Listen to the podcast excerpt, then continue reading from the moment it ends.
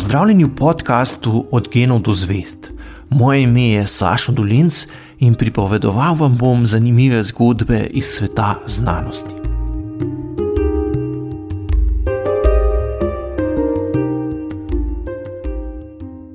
Ko se je škotski profesor bakteriologije Aleksandr Fleming 3. septembra 1928 vrnil s počitnic v svoj londonski laboratorij, se je najprej lotil čiščenja. Preden je konec julija odšel na dopust, je namreč proučeval bakterije Staphylococcus aureus, ki med drugim povzročajo pljučnico, in gojišča nespametno pustil na pultu, ne da bi jih razkužil. V umazanih petrijevkah so se bakterije čez poletje namnožile, zato je imel ob vrnitvi veliko dela s pospravljanjem. A v eni od posodic je opazil nekaj nenavadnega, kar je takoj pritegnilo njegovo pozornost. Nadstropje niže so v drugem laboratoriju proučevali glive in zaradi spleta okoliščin in nepazljivosti so se trosi nekaterih plesni razširili po zgradbi. V vročih poletnih mesecih so se tako razmnožili tudi v bakterijskih gojiščih laboratorija profesorja Fleminga. Vendar presenetljivo na eni od petrijev v bližini razraščene plesni bakterij ni bilo. Nenavaden pojav je začel podrobneje proučevati in ugotovil, da rast bakterij zavira plesen penicillium notatum. Pod mikroskopom je opazil, da so v okolici plesni celice bakterij začele razpadati. Nekaj, kar je plesen proizvajala, je uničevalo bakterije in Fleming je to učinkovino poimenoval penicilin. Kasneje je kot datum odkritja navedel 28. september, a poročilo o odkritju je objavil šele dobrega pol leta pozneje, maja 1929. Vendar v znanstveni skupnosti resnega odziva na to izjemno pomembno dognanje ni bilo.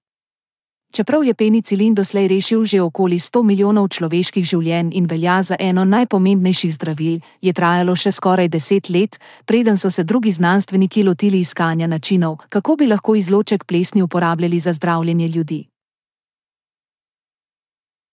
V drugi polovici 18. stoletja se je v vedah o življenju zgodila revolucija, ki je povsem spremenila razumevanje nastanka večine bolezni znanstveniki so lahko pod mikroskopom že nekaj časa opazovali zelo raznolike oblike mikroskopskih živih biti, vendar se pri tem niso zavedali, da nekateri od teh mikroorganizmov ljudem povzročajo velike težave, če se v njihovem telesu razmnožijo.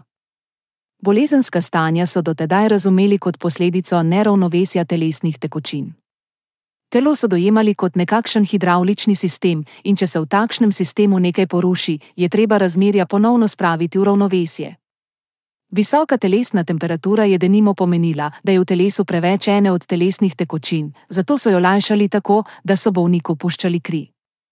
Teorijo, da bolezni povzroča neravnovesje tekočin, je v 18. stoletju zamenjala hipoteza, da so za večino hudih bolezni krivi mikroorganizmi, ki napadajo telo in se v njem razmnožijo. Pomembna spoznanja o vplivu mikroorganizmov na mnoge procese v naravi je prispeval francoski znanstvenik Louis Pasteur. Med drugim je pokazal, da lahko na mikroorganizme vplivamo s segrevanjem in prekuhavanjem, saj jim vročina škoduje.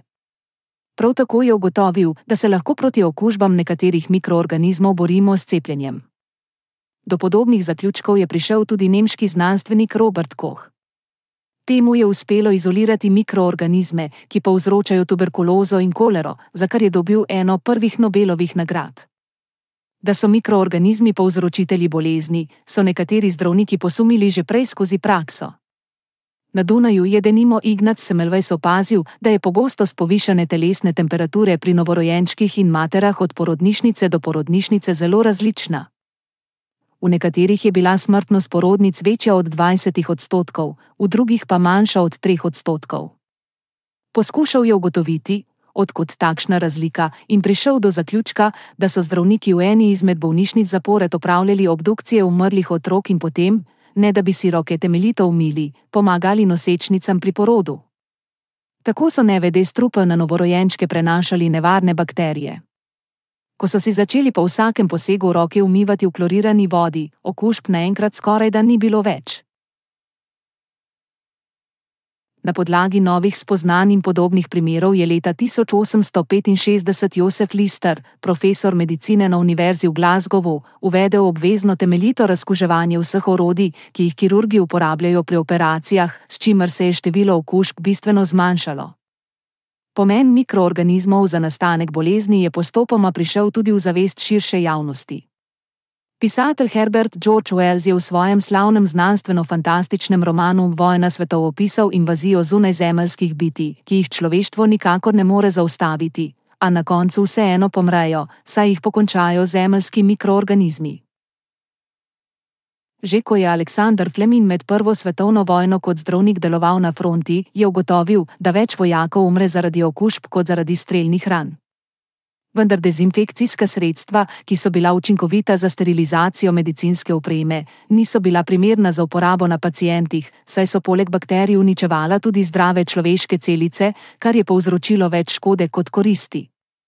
Ko je bil nekoč močno prehlajen, mu je nekaj sluzi iz nosnice kapnilo na gojišče bakterij, a je na mesto, da bi kontaminacijo počistil, Petrijevko pustil in opazoval, kaj se bo zgodilo.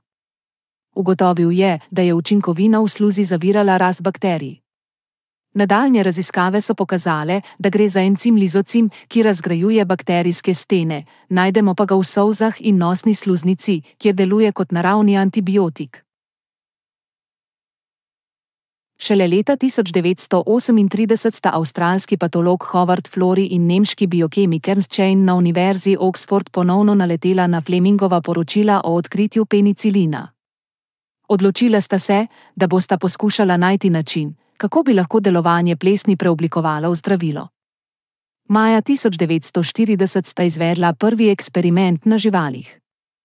Osem miši sta okužila smrtnimi količinami bakterij in na to polovici dodala še penicilin. Štiri miši, ki niso dobile antibiotika, so hitro poginile, druge pa so bolezen premagale. Takoj sta vedela, da sta odkrila izjemno pomembno učinkovino, ki zna uspešno pobijati bakterije v živem organizmu. Februarja 1941 so penicilin prvič preizkusili na človeku. Neki policist je imel hudo okužbo in je že umiral, zato so mu poskusno obrizgali antibiotik.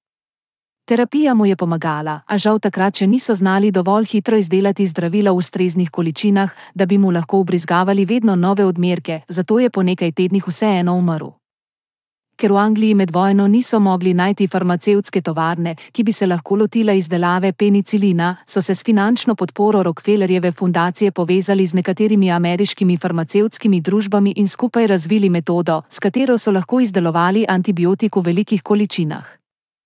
V ZDA so leta 1942 s penicilinom kot prvo uspešno pozdravili Ann Miller, ki je že skoraj izgubila boj z bakterijsko okužbo. Po injekcijah antibiotika se ji je zdravje dobesedno čez noč izboljšalo, na to pa je živela še do visoke starosti. Leta 1945 so si Nobelovo nagrado za odkritje penicilina delili Fleming, Flori in Chain. Kasneje so drugi znanstveniki odkrili še več učinkovin z protibakterijskimi učinki, kar je navdalo ljudi z občutkom, da bakterijske okužbe niso več smrtno nevarne. Toda že Fleming je kmalo po začetku uporabe penicilina opozoril, da lahko nepravilna raba dolgoročno izniči njegovo učinkovitost. Če antibiotikov ne uporabljamo ustrezno, postanejo bakterije s časoma proti njim odporne, kar pomeni, da zdravilo ne deluje več. Za nekatere bolezni, ki smo jih pred desetletji uspešno premagovali z antibiotiki, danes tako znova nimamo učinkovitih zdravil, ker so bakterije proti njim razvile odpornost. Če antibiotiki ne bodo več učinkoviti pri spopadanju z okužbami, se lahko hitro vrnemo v obdobje pred začetki moderne medicine, ko je bilo tudi unetje grla smrtno nevarno.